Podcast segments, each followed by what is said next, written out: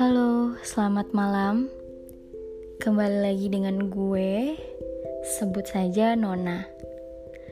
Kali ini gue akan melanjutkan cerita gue di podcast sebelumnya yang berjudul Penghuni Kantor episode 1. Kalau di episode sebelumnya gue membahas pengalaman horor yang dialami oleh Mbak Laras dan Budinda, Kali ini gue mau bahas tentang pengalaman pribadi gue di kantor tersebut.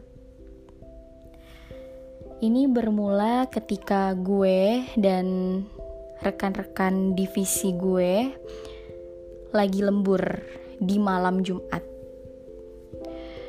Pukul jam 8 malam, tiba-tiba komputer manajer gue mati mendadak. Padahal CPU-nya nih nyala. Dan dia bilang, "Aduh, udah waktunya pulang nih. Udah ditegur sama yang punya kantor." Kita-kita refleks dong, bilang, "Siapa? Pak Direktur." Terus kata ibu manajer gue, "Bukan, bukan dia. Siapa?" Ya masa gue sebutin namanya, nanti pada lari.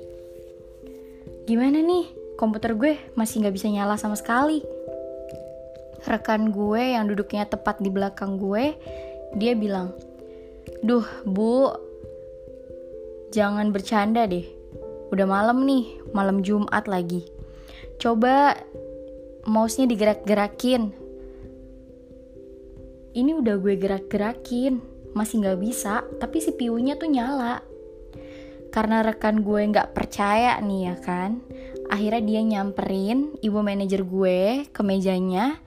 Dan bener komputernya itu mati tapi CPU-nya nyala. Udah dicek semua kabel colokannya. Terpasang kok dengan rapi nggak ada yang kecabut sama sekali terus ibu manajer gue sibuk main handphone dan rekan kerja gue itu kembali ke tempat duduknya dia Gak lama untuk mencairkan suasana, uh, tim gue ini pada bercanda satu sama lain, saut-sautan bercandaannya. Dan gue ini posisinya lagi duduk di kursi di depan komputer, meja komputer. Gue ini lagi muter-muterin kursi sambil ketawa-ketawa karena mereka sambil bercanda. Gak lama gue lihat perempuan pakai kerudung persis banget kayak ibu manajer gue di koridor ruangan kerja gue ini menuju ke pintu keluar ruangan. Batin gue, gila berani banget tuh. Ibu manajer gue tumben-tumbenan mau ke toilet lagi lembur malam-malam. Padahal kan dia penakut banget. Gue bilang nih ke rekan samping gue, panggil aja sebutannya Mbak Dwi Weh Mbak Dwi, baru gue ngomong Mbak Dwi sambil muterin kursi ke arah meja komputer. Ternyata ibu manajer gue tuh masih ada di tempat duduknya. Persis di depan gue, masih main handphone. Gue kaget banget, soalnya posisinya bener-bener nggak sampai hitungan detik lah. Cuma hitungan detik aja gue muterin kursi. Bisa-bisanya dia udah ada di depan gue. Padahal gue lihat sendiri kalau dia tuh lagi jalan di koridor mau keluar. Gue masih positive thinking aja kan. Gue berpikir oh mungkin yang lain kali.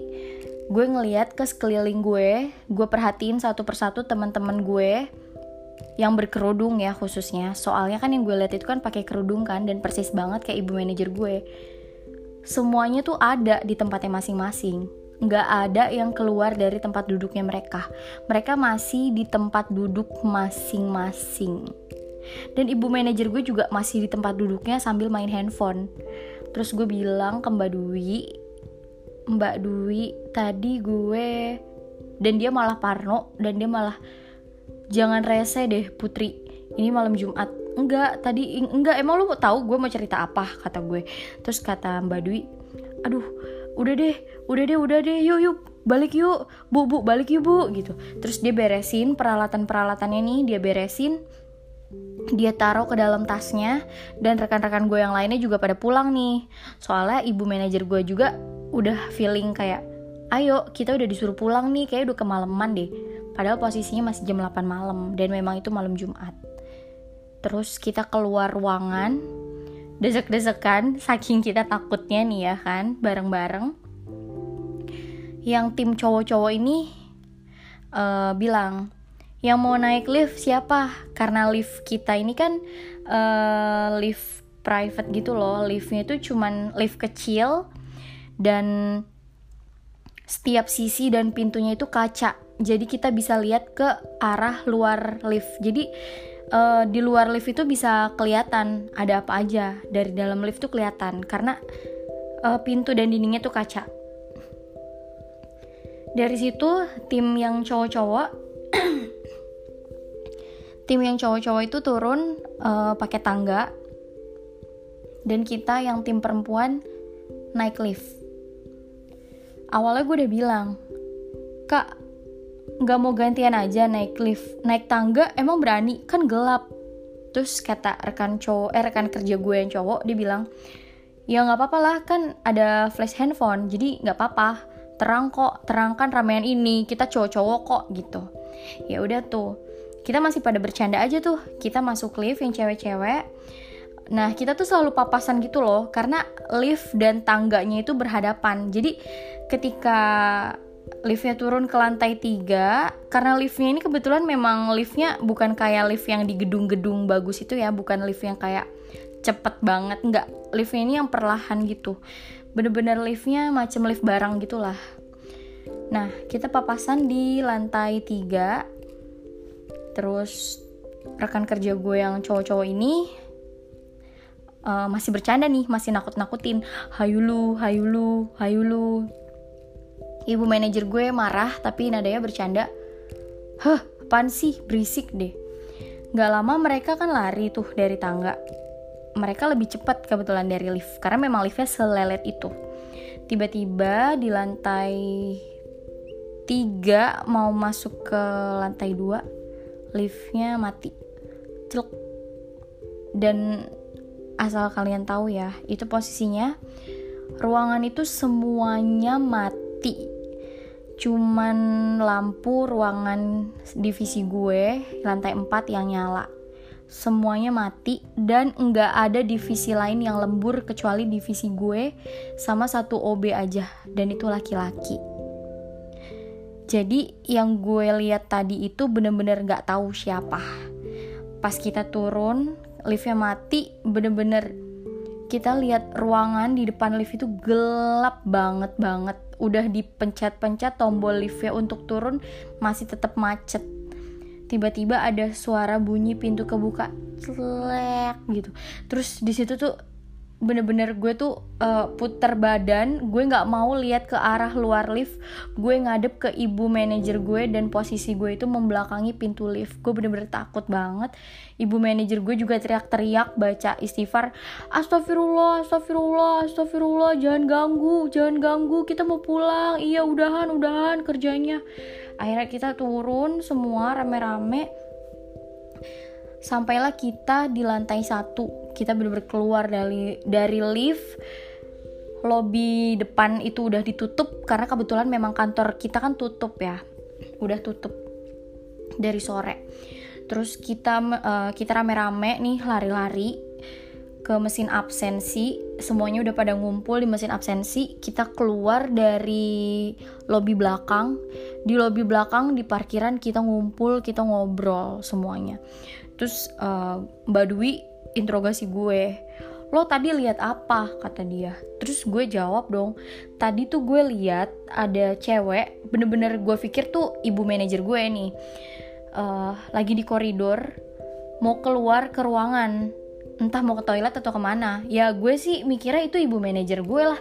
Terus gue bilang e, gila tumben-tumbenan beranian lagi lembur ke toilet sendiri. Udah gitu kan semuanya gelap gitu kan ternyata selang beberapa detik kemudian gue muterin bangku balik lagi ke meja de uh, ke depan komputer ternyata ibu manajer gue tuh masih ada di tempat duduknya dan persis banget di seberang tempat duduk gue. Ya gue kaget banget dong. Terus uh, gue perhatiin ke sekeliling bener-bener teman gue tuh semuanya masih lengkap. Ya gue bingung dong gue bilang gitu dong ke Mbak Dwi. Terus kata Mbak Dwi aduh tuh kan feeling gue tuh udah gak enak pas komputernya si ibu manajer mati terus ibu manajer gue tuh cuma bilang kan gue udah bilang udah waktunya pulang. Ayo udah waktunya pulang. Lu malah bercandain gue aja sih. Akhirnya di situ kita uh, pulang masing-masing. Dan kebetulan gue sama Mbak Dwi ini uh, sejalan maksudnya searah pulangnya. Akhirnya kita pesen grab nih. Kita pesen grab kita pulang barengan dan di sini tuh gue nggak tahu ya abangnya mungkin memang pura-pura atau gimana. Gue shock banget sama mbak Dwi juga shock banget. Pas kita masuk terus gue tuh tadinya tuh hening dan gue mulai buka percakapan gue bilang gini ke mbak Dwi. Sumpah gue cuma bilang kayak gini ke mbak Dwi. Mbak horor banget sih mana malam Jumat jadi takut gue gitu. Terus mbak Dwi cuman kayak aduh udah deh nggak usah dibahas. Gue ngeri banget anjir terus gue tanya dong tapi sebelumnya pernah kayak gini nggak selama lo lembur? Terus dia bilang e, belum pernah sih. Eh udah pernah. Dulu waktu lagi ke toilet bareng-bareng. Tiba-tiba ada barang jatuh di ruang operasional terus kita langsung lari-lari bertiga masuk kata dia. Uh, oke okay lah tuh bayangin aja loh bertiga masuk kamar mandi tuh satu. Satu kamar mandi tiga orang. Terus tiba-tiba uh, bapak driver ini ngomong udah mbak nggak usah takut baik kok dia. Hah? Apaan pak yang baik? Itu perempuan itu baik. Dan gue bingung dong kayak perempuan yang mana pak? Perempuan yang di kantornya mbak. Bapak tahu dari mana kalau perempuan? kata si mbak Dwi gitu. Tadi waktu saya tunggu di depan halte saya lihat dari jendelanya kantor mbak, perempuan di pinggir jendela. Makin merinding dong gue sama Mbak Dwi. Terus gue bilang ke Mbak Dwi, Mbak bercanda gak sih dia? Gak tahu deh. Terus kata gue, eh Pak, terus dia ngikutin kita nggak sampai di dalam mobil? Terus kata bapaknya, enggak kok Neng emang di situ dia tempatnya. Dari dulu sebelum kantor Mbak dibangun ruko nih itu dia memang udah ada di situ udah lama. Dan dia nggak bisa ke mana-mana. Dia di satu lantai aja kata dia gitu. Terus gue udah kayak aduh kok dia tahu ya kalau dia cuma ada di lantai itu? Kata gue gitu dong. Terus gue bilang Uh, tapi memang setiap lantainya ada kan pak? Kata gue gitu. Terus kata dia iya mbak memang di setiap lantainya ada.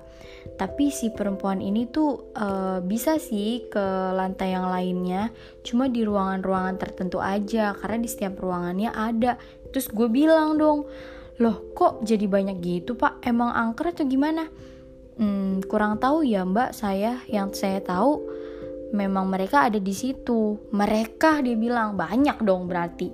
Batin gue WTF bikin kapok gue lembur anjir. Sekalinya gue lembur kedapetan horor kayak gini. Males banget gue. Terus gue pulang kerja pengen buru-buru pulang banget. Sampai rumah. Pengen gue ceritain nih ke bokap gue. Seperti biasa bokap gue tanggapannya cuman kayak ah itu mah kecapean aja. Jadi matanya merasa lihat sesuatu. Padahal emang itu cuma pikiran kamu aja. Lagi capek lagi lembur. Makanya itu. Ya udah. Gue sih nggak peduli percaya atau enggak cuman ya itu yang gue alamin. Dan memang udah bukan rahasia lagi sih untuk orang-orang kantor gue kejadian-kejadian horor kayak gitu. Oke, sekian dulu ya. Sampai sini dulu. Nanti gue lanjutin lagi uh, pengalaman horor gue di kantor tersebut dan ada juga pengalaman horor uh, dari teman-teman kerja gue juga masih ada kok. Tenang aja. Oke, cukup dulu untuk hari ini. Terima kasih buat yang udah rela banget nih dengerin podcast gue. Makasih banyak. See you.